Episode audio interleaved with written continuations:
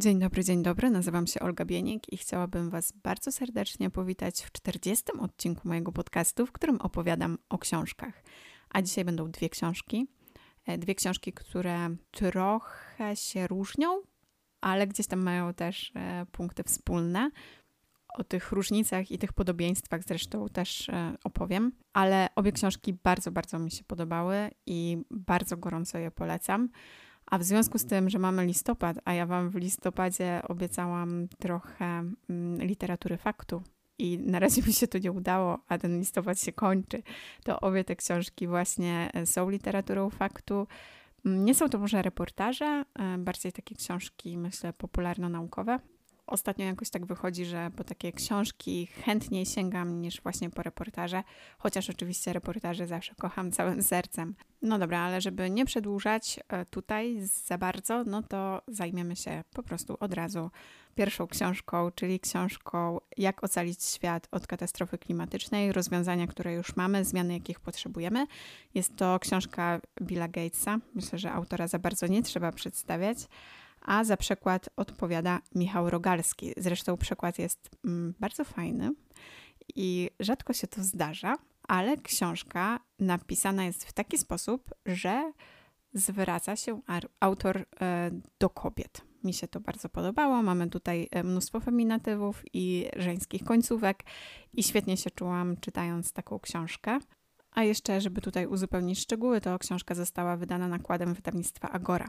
No, to formalności mamy za sobą, a teraz co o samej książce. Myślę, że już sam tytuł jasno mówi, że książka opowiada o zmianach klimatycznych. Jest tutaj mnóstwo różnych rozdziałów, które mm, mówią o tym, jak jest, jakie wyzwania przed nami stoją, jakie problemy możemy na drodze napotkać, żeby no, tutaj powstrzymać te zmiany klimatyczne, jakie są przewidywane przez naukowców i o tym, co możemy zrobić, żeby było lepiej i żeby nasz świat nie stąpał w tym takim destrukcyjnym kierunku. Na no, niestety trochę e, w tym kierunku wprost w ramiona katastrofy zmierzamy i o tym mówi już wielu naukowców i mówi o tym również Bill Gates. Książka jest napisana świetnie.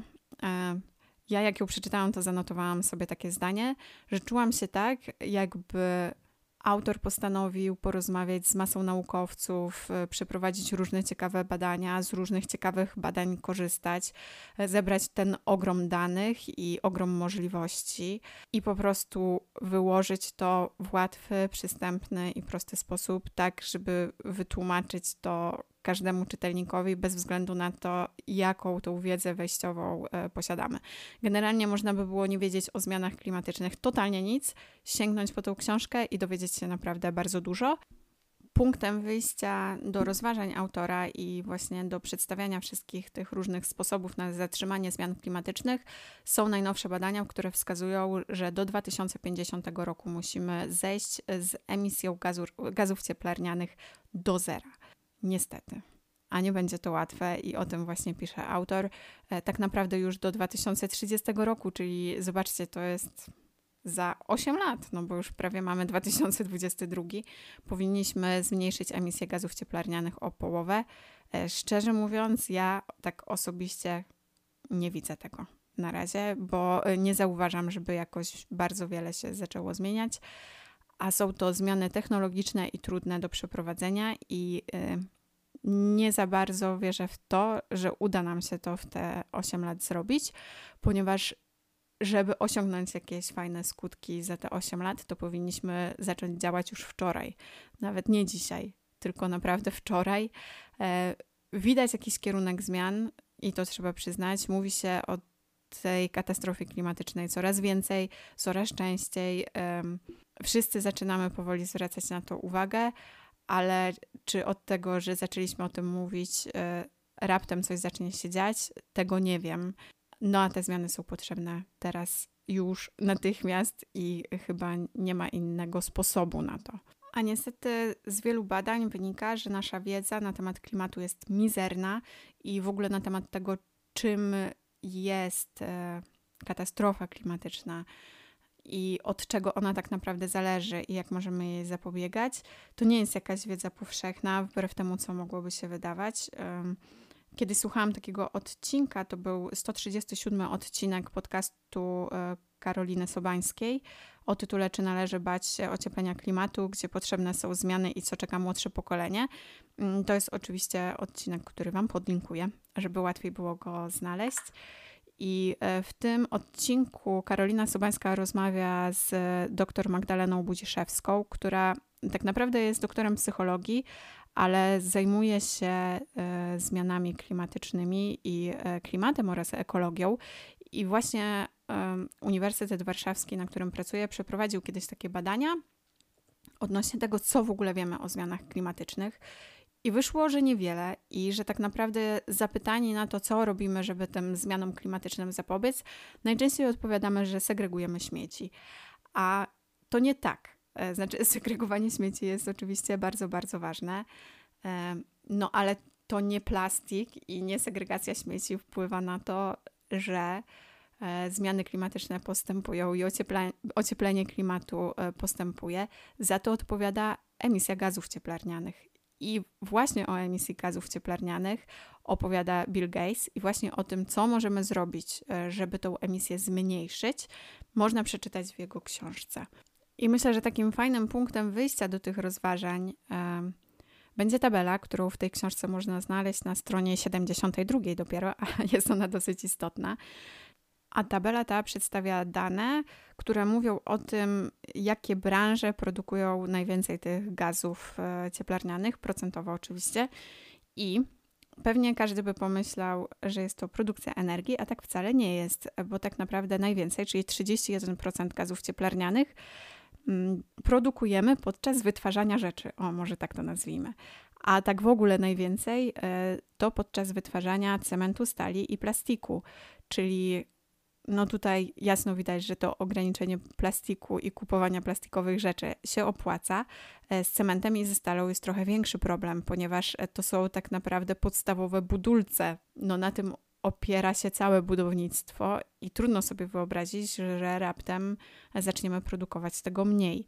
27% e, to jest właśnie prąd, czyli za 27% emisji gazów cieplarnianych odpowiada produkcja prądu, następnie 19% uprawa i hodowla, 16% e, przemieszczanie się, no i 7% ogrzewanie lub chłodzenie, czyli klimatyzacja, ogrzewanie, e, przechowywanie w zimnie.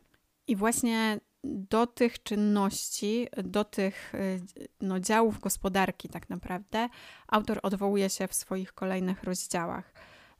I o tym opowiada, i opowiada o tym, jak e, w tych działach gospodarki można zmniejszyć emisyjność.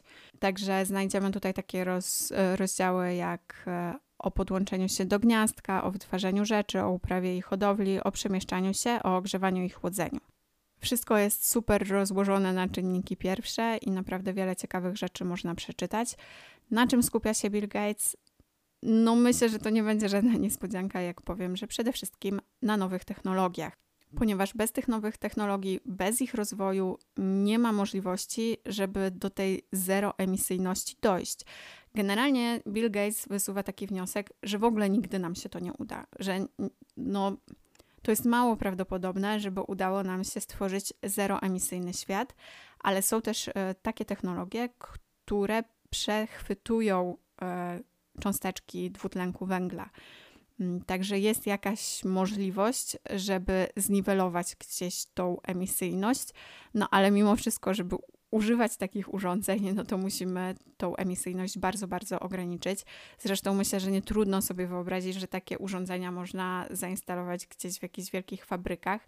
Raczej nie będziemy mogli wychwytywać dwutlenku węgla o tak o z powietrza, który na przykład e, produkuje transport. I tutaj właśnie pojawia się problem, ponieważ z jednej strony produkcja prądu nie jest może najbardziej emisyjna, bo odpowiada za 27% e, całej emisji dwutlenku, no nie tyle dwutlenku węgla, co gazów cieplarnianych, tutaj żeby być precyzyjną, ale z drugiej strony musimy bardzo tą produkcję zwiększyć, żeby obniżyć emisyjność w innych tych działach gospodarki. No nie ma po prostu innej możliwości, ponieważ jeżeli chcemy się przemieszczać, to najczęściej myślimy o tym, żeby jeździć samochodami na prąd, ponieważ jeżeli chcemy zmniejszyć emisyjność w produkcji, to tak samo większość urządzeń musimy przełączyć na prąd, żeby po prostu nie spalać paliw kopalnych y, i z tego, te, no, z tego nie korzystać i z tego nie produkować. Ale jeżeli ten prąd nie będzie pochodził y, z odnawialnych źródeł energii, nie będzie czystym prądem, e, tak to nazwijmy, no to automatycznie ten procent e, stosunku produkcji gazów cieplarnianych z prądu nam się zwiększy. Czyli pierwsze, co musimy zrobić i to, co jest najważniejsze, to zacząć pozyskiwać czysty prąd. I od razu z taką myślą, że będziemy go potrzebowali dwukrotnie, a niektóre badania pokazują, że nawet trzykrotnie więcej niż dzisiaj, jeżeli e, inne działy gospodarki w ten prąd chcemy wpiąć. To jest naprawdę bardzo ciężka sprawa i bardzo ciężki temat, bo raz to jest pozyskiwanie tego prądu, a dwa to są sieci przesyłowe, z którymi większość krajów ma ogromny problem. E, Polska ma przeogromny problem. Niestety, ale tą większą ilość prądu, e, prądu z innych źródeł, no trzeba w jakiś sposób przesłać i najczęściej sieci przesyłowe nie są do tego przygotowane. Dlatego mówię o tym, że trudno mi sobie wyobrazić, że za 8 lat będzie lepiej, bo możemy wszyscy zacząć jeździć samochodami elektrycznymi, ale jeżeli ta, ten prąd, ta energia będzie pochodziła e, no, z węgla, tak, to, to tak naprawdę niczego nie zmieni. Zresztą myślę, że nasze sieci przesyłowe, nawet jakby ładować tego węgla więcej, to na chwilę obecną nie są w stanie e, przeżyć tak dużego obciążenia więc to nie jest łatwy temat.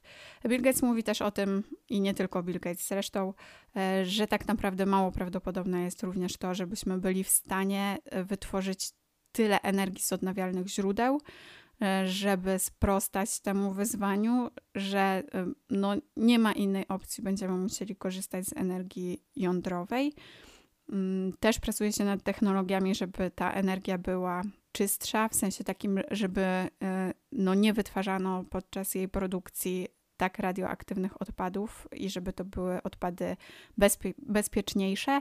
No ale oczywiście wszystkie nowe technologie, a szczególnie tak niebezpieczne jak e, energia jądrowa, wymagają czasu. Wymagają badań, i zanim ktoś się zdecyduje, żeby taką elektrownię postawić, to jeszcze pewnie mnóstwo, mnóstwo czasu upłynie. A dlaczego nie tylko energia z odnawialnych źródeł? E, no, temat jest prosty. Mm, nie mamy takich baterii. Może technologia coś zmieni, ale to akurat jest mało prawdopodobne i niewiele e, jakichś takich startupów już powstało, żeby w zaawansowany sposób pracować nad takimi technologiami. A jak nie ma baterii, no to nie ma gdzie tej energii przechowywać, i jest to po prostu bardzo taka energia niestała i chwiejna i. E, no nie wiem, czy można na nią postawić i oprzeć na niej całą gospodarkę, no bo są takie miejsca, które nie mogą sobie pozwolić na brak dopływu prądu. Tutaj ja Wam trochę opowiadam o tym prądzie, ponieważ uważam, że to jednak jest najważniejszy element, ale tak jak wspominałam, e, w książce Billa Gatesa można przeczytać o bardzo różnych innych kwestiach, o tym właśnie jak się przemieszczamy, o produkcji e, różnych rzeczy cementu, stali i tak dalej, i czym to można zastąpić, albo w jaki inny sposób można to produkować, żeby zmniejszyć tą emisyjność. Jest to naprawdę mega, mega ciekawie opowiedziane. Polecam. Czego jeszcze dotyka Bill Gates? Bo wiecie, e, to jest też taka trochę kontrowersyjna książka, bo e, król kapitalizmu i e, osoba, która odpowiada pewnie za sporą część emisji dwutlenku węgla i w ogóle gazów cieplarnianych do atmosfery, no tutaj pisze raptem taką książkę. Ale też trzeba pamiętać, że Bill Gates to jest osoba, która ma swoją fundację i jest mocno zaangażowany w pomaganie ludności w Afryce w różnych kwestiach. Głównie skupia się na medycynie i na szczepionkach, ale sam pisze o tym właśnie w tej książce, e, że zauważa to, no i nie da się tego nie zauważyć, że tak naprawdę w Afryce tego prądu, który jest tak ważny, jest niewiele. I na chwilę obecną mówimy o tym, że musimy zmniejszać ilość gazów cieplarnianych, e, no a perspektywa jest taka, że Afryka będzie się coraz bardziej rozwijać i do tego rozwoju potrzebny jest prąd, nie ma innej możliwości. Więc możemy sobie wyobrażać, że tego dwutlenku węgla będzie emitować coraz więcej. I teraz stoimy przed takim pytaniem: no nie można im tego zabronić. No bo jak? To by było totalnie niesprawiedliwe, że sami z tej ziemi czerpaliśmy jako te kraje w cudzysłowie bardziej rozwinięte, a teraz jak rozwijać chcą się inni i chcą iść do przodu, no to my byśmy chcieli im tego zabraniać, bo co? Co im powiemy? O, wiecie co, no przepraszamy, rozpierdzieliliśmy ziemię, to wy teraz macie problem i wy musicie zostać tu, gdzie jesteście, rozwijać się nie możecie. Więc po naszej stronie stoi trochę wymyślanie tych nowych technologii e, i dzielenie się tymi nowymi technologiami, i o tym też Bill Gates mówi. Mam gdzieś tu nawet taki cytat, pozwolę sobie przeczytać. Powstrzymywanie ludzi o niskim statusie od wspinania się po ekonomicznej drabinie byłoby niemoralne i niepraktyczne. Nie możemy oczekiwać od najbiedniejszych, że pozostaną biedni, ponieważ bogaci wyemitowali za dużo gazów cieplarnianych. Nawet gdybyśmy chcieli, nie ma sposobu, żeby coś takiego osiągnąć. Zamiast tego musimy umożliwić ludziom o niskim dochodzie wspinaczkę po drabinie dobrobytu, ale bez przyspieszania zmian klimatu. Musimy zejść do zera, produkując więcej energii niż dziś, ale bez zwiększania ilości węgla w atmosferze. Najszybciej jak się da. Także takie tematy też ta książka porusza.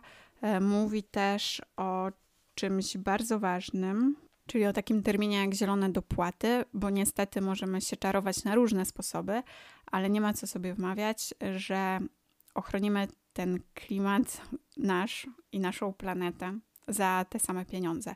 I zielone dopłaty to jest różnica pomiędzy tym, ile dzisiaj kosztują nas pewne rzeczy, na przykład paliwa, a ile będzie kosztowało nas osiągnięcie takiego samego skutku, na przykład przemieszczania się e, w ten zielony, zeroemisyjny sposób.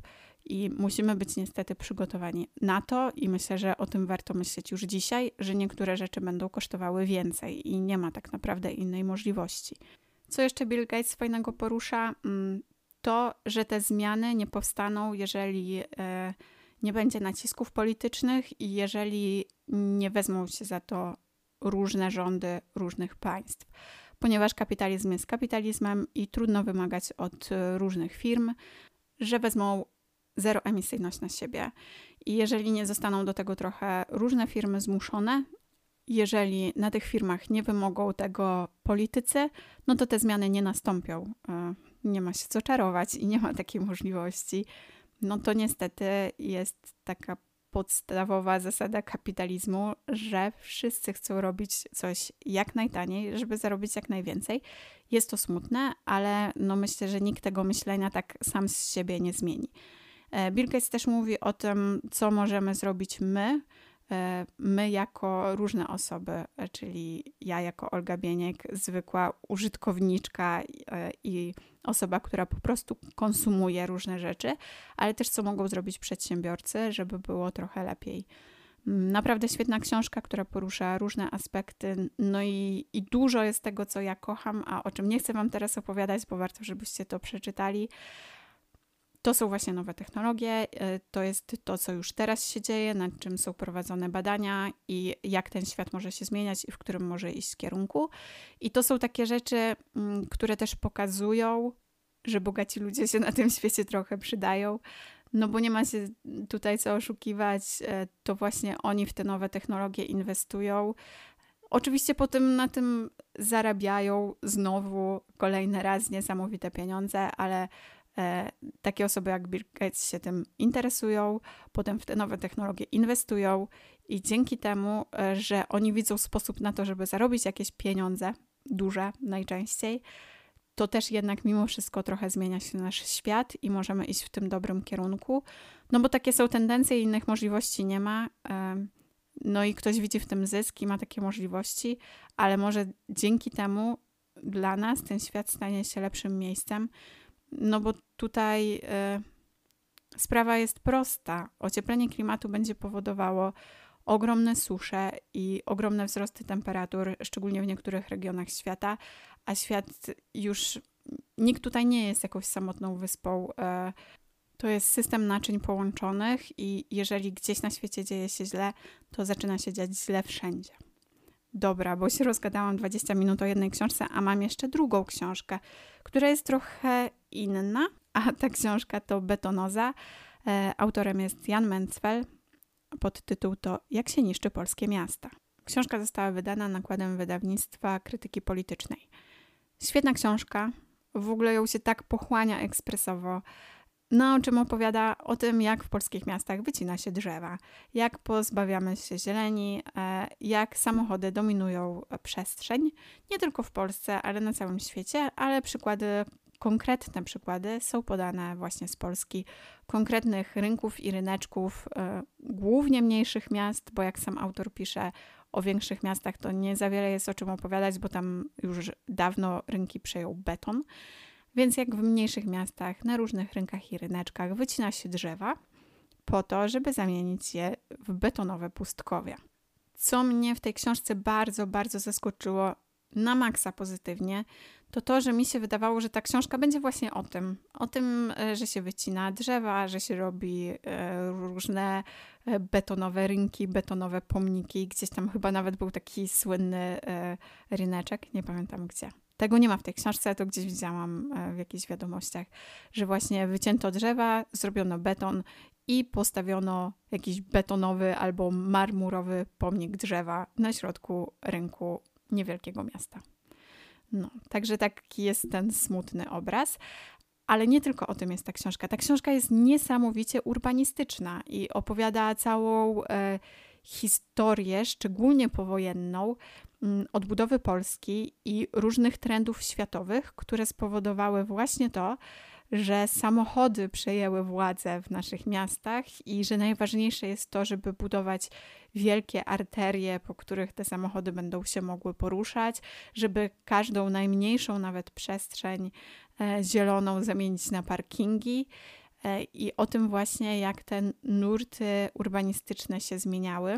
Tak historycznie w tych naszych miastach nie było aż tak strasznie źle, e, w sensie takim, że jeszcze po II wojnie światowej rozumiano potrzebę takiej bliskości zieleni, e, no oczywiście potrzebę człowieka, żeby tą zieleń mieć jak najbliżej siebie.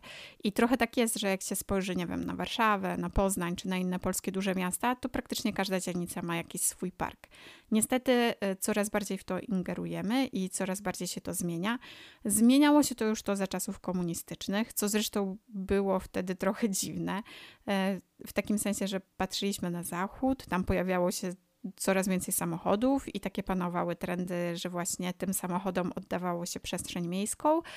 Zresztą w Stanach Zjednoczonych zagrał tutaj bardzo, bardzo mocno kapitalizm i to świetnie jest to w tej książce opisane, e, jak konsorium samochodowe e, wykupiło linie tramwajowe i zaczęło działać w taki sposób, żeby po prostu się tych linii tramwajowych pozbyć. E, w białych rękawiczkach próbowali to robić, po to, żeby ludzie kupowali więcej samochodów. Prosta sprawa. Trzeba było w sztuczny sposób stworzyć pewną potrzebę, żeby te samochody się sprzedawały. E, w Polsce mieliśmy komunizm i tych samochodów za bardzo nie było. I wydawałoby się, że nie było takiej potrzeby, żeby te miasta rozbudowywać na obraz i podobieństwo zachodny, zachodni, no ale jednak e, gdzieś te nurty urbanistyczne się przenikały i budowaliśmy piękne drogi, na przykład w Warszawie to widać, po których za bardzo samochody nie jeździły. Potem nastał 89 rok, tych samochodów zaczęło się pojawiać coraz więcej i gdzieś my cały czas e, w stosunku do zachodu, tak to nazwijmy, jesteśmy lekko opóźnieni. No niestety. Tam już powoli zaczyna się zauważać, a nawet w niektórych miejscach mocno zaczyna się zauważać, że to nie był dobry kierunek i że nie powinno się przestrzeni miejskiej oddawać samochodom, i to już się zmienia. Mm, podane są przykłady dokładnie miast, w których się to zmienia i w jaki sposób to zrobiono, ale niech to zostanie tajemnicą, którą e, przeczytacie sobie w książce. My w Polsce dopiero powoli zaczynamy o tym myśleć, ale już powoli zaczynamy, chociaż dalej wycina się przeogromne ilości drzew e, z różnych dziwacznych powodów. Tutaj rynek deweloperski też ma swój bardzo niechlubny udział w tym wszystkim. E, totalnie nie potrafimy szanować takiej e, prawdziwej, dzikiej, wspaniałej natury, ale to się trochę zmienia mm, i to zmienia się bardzo, bardzo oddolnie. E, ta książka to jest taki świetny przykład tego, jak aktywizm i takie oddolne akcje społeczne mogą zmieniać no, nasze miasta, bo to głównie tego się tyczy i tego, jak wygląda nasza przestrzeń miejska. Niestety te oddolne organizacje nie załatwią tutaj wszystkiego. Mamy narzędzia, które mogłyby to zmienić. Tymi narzędziami są plany miejscowe. Jednak e, no, miasta nie mają obowiązku wykonywania tych planów miejscowych. One niby powinny być, w niektórych miejscach są, e, w innych miejscach ich nie ma. Generalnie Polska naprawdę w niezbyt dużym procencie jest pokryta tymi plan planami miejscowymi. No a jeżeli dobry urbanista taki plan miejscowy by wykonał, wtedy nie byłoby już możliwości takiej, jak to się pięknie mówi, patodeweloperki. Niestety tworzenie planów miejscowych najczęściej nie jest w interesie włodarzy miast i teraz mówię o takim mało chlubnym interesie, ponieważ jeżeli e, włodarze miast martwiliby się o swoich mieszkańców, to oczywiście stworzenie takich planów miejscowych jest jak najbardziej w ich interesie. Ale jeżeli martwią się o jakieś takie swoje różne, dziwne, własne, osobiste interesy, e, wtedy ten plan miejscowy nie jest dobry, ponieważ no, uniemożliwia pewne rzeczy. Ale właśnie one pięknie porządkują przestrzeń. Powiem Wam szczerze, teraz takiej trochę prywaty będzie. Właśnie wczoraj, w piątek, wróciłam z Poznania, mm, gdzie wynajmowałam przez trzy tygodnie mieszkanie na takim bardzo starym osiedlu. I naprawdę e, te starsze osiedla, pełne zieleni, pełne przestrzeni pomiędzy blokami, są w ogóle nieporównywalne z tym, co powstaje dzisiaj.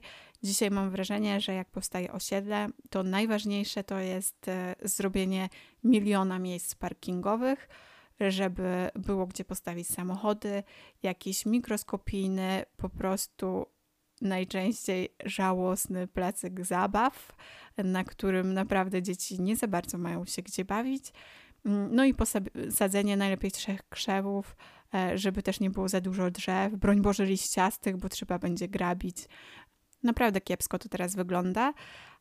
A nie ma się co oszukiwać. Wina leży tylko po jednej stronie i wina leży po stronie samorządów. To e, samorządy wydają pozwolenie na budowę e, i to one mają prawo decydować o tym, jak przestrzeń miejska będzie wyglądać.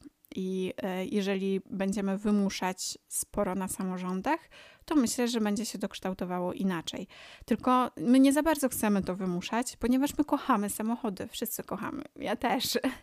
A żeby przestrzeń miejska się zmieniała, no to trzeba ograniczyć tą ilość samochodów. Jedynym sposobem na to jest oczywiście dobra komunikacja miejska. Jak komunikacja miejska działa, wtedy nie mamy już takiej potrzeby poruszania się tymi samochodami. A jeżeli spojrzymy na to wszystko w kontekście książki, o której mówiłam wcześniej, e, to powinniśmy zmuszać samorządowców do tego, żeby ta komunikacja miejska była jak najlepsza, ponieważ poruszanie się samochodami będzie coraz droższe i tutaj w ogóle myślę, że to nie podlega żadnej dyskusji i myślę, że w którymś momencie zacznie nam być szkoda e, pieniędzy na to, żeby tymi samochodami się poruszać. Jeśli do tego czasu nie rozwiniemy dobrze komunikacji miejskiej, no to zostaniemy z problemem. Ostatnio słuchałam takiego fajnego podcastu Polityka Insight, właśnie o tym, jak będzie zmieniał się świat i jakie są przewidywania, że będziemy na przykład poruszali się w 2040 roku. No i przewidywania są takie stosunkowo proste. Będziemy posiadali coraz mniej tych samochodów. E, będziemy się starali współdzielić te samochody, wypożyczać je w jakiś sposób. Także mm, no, oddawanie tej przestrzeni miejskiej samochodom, które nie są przyszłością, i e, wszystkie przewidywania mówią o tym, że to nie jest ten kierunek, w którym będziemy się rozwijali, jest po prostu bez sensu. No a oprócz tego, mm, że po prostu te betony kiepsko wyglądają i nie wiem w ogóle skąd ten pomysł i ta moda, to warto pamiętać o tym, że e, w dobie takiego ocieplania się klimatu zieleń jest niesamowicie ważna. Ona e, chłodzi, mm, daje cień, tworzy pewne takie mikroklimaty, w których czujemy się dużo lepiej i to do zieleni raczej uciekamy, jak jest nam gorąco, a nie stajemy na betonowych placach. I o tym też jest sporo w tej książce i o tym, jakie różnice temperatur potrafią być gdzieś w lesie czy w parku, a na betonowej płaszczyźnie, autor sporo opowiada. A oprócz tego opowiada jeszcze o jednej fajnej rzeczy. Tutaj chciałam Wam taką statystykę przeczytać, ponieważ często się mówi o tym, że no na przykład dobrze wycięliśmy w tym mieście tyle tych starych drzew, tych starych topoli, nie? To, to topole się wycina najchętniej.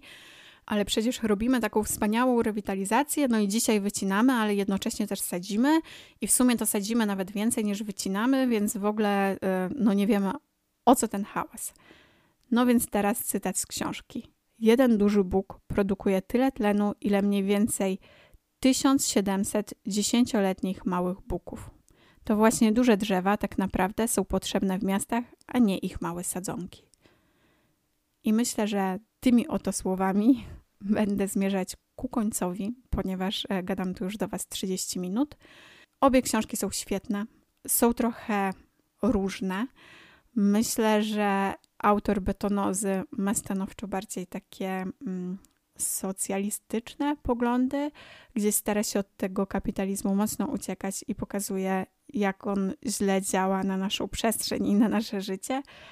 No, trudno powiedzieć, żeby e, Bill Gates miał antykapitalistyczne poglądy, ale myślę, że w swojej książce fajnie pokazuje, jak e, trochę tą machinę kapitalizmu można wykorzystać i że da się nim mimo wszystko sterować, żeby służył nam do czegoś dobrego, e, ponieważ w tym momencie bez nowych technologii sobie nie poradzimy i myślę, że z tym trzeba się pogodzić, ale jednocześnie, jeżeli tego kapitalizmu trochę nie zatrzymamy, jeżeli nie zatrzymamy szczególnie tego konsumpcjonizmu, no to też sobie nie poradzimy. Musimy trochę zwolnić, to jest chyba jedyny kierunek. E, co możemy zrobić? Poza segregowaniem śmieci, no moi drodzy, wszyscy powinniśmy zacząć mniej kupować i mniej nabywać i trochę nauczyć się takiego życiowego minimalizmu. Wiem, że to jest strasznie trudne. Sama mam z tym ogromny problem. E, co rusz chciałabym mieć jakiś fajny ciuch, fajne buty. E, kupuję oczywiście mnóstwo książek, więc mam nad czym pracować, ale jeżeli chcemy żyć w miarę spokojnym świecie i zostawić naszym dzieciom fajny świat, no to nie ma innego wyjścia. Musimy się trochę ograniczyć. I między innymi o tym są te dwie książki, które bardzo, bardzo, bardzo gorąco polecam. E, w obu się zaczytywałam, obie są świetne i myślę, że warto po nie sięgnąć. A jeżeli nie macie czasu na czytanie, bo rozumiem, że tak też może się zdarzać, to przynajmniej gorąco polecam Wam ten odcinek podcastu Karoliny Sobańskiej, który podlinkuję w opisie, możecie go tam znaleźć bo naprawdę myślę, że to jest takie fajne kompedium wiedzy i dziewczyny w tym odcinku też podkreślają, że trzeba zacząć działać dzisiaj, już od dzisiaj, a może nawet od wczoraj, bo inaczej nie damy rady i czeka nas wtedy kiepska przyszłość. Mnie trochę ta przyszłość czasami przeraża, staram się o niej za często nie myśleć, ale mm, wydaje mi się, że to jest coś najtrudniejszego, co może nas czekać i co wywróci nasz w miarę spokojny świat, przynajmniej w całym moim 30-letnim życiu, do góry nogami i nie wiem, czy mamy na to ochotę. No dobra, to tyle na dzisiaj, bo i tak wyszedł całkiem długi odcinek podcastu. Jeżeli Wam się podobało, to będę bardzo, bardzo wdzięczna, jeżeli zasubskrybujecie, zaobserwujecie, czy co tam się da zrobić e, w tych aplikacjach, w których mnie słuchacie. No i polecicie dalej. Dziękuję za dzisiaj i do usłyszenia, mam nadzieję, za tydzień.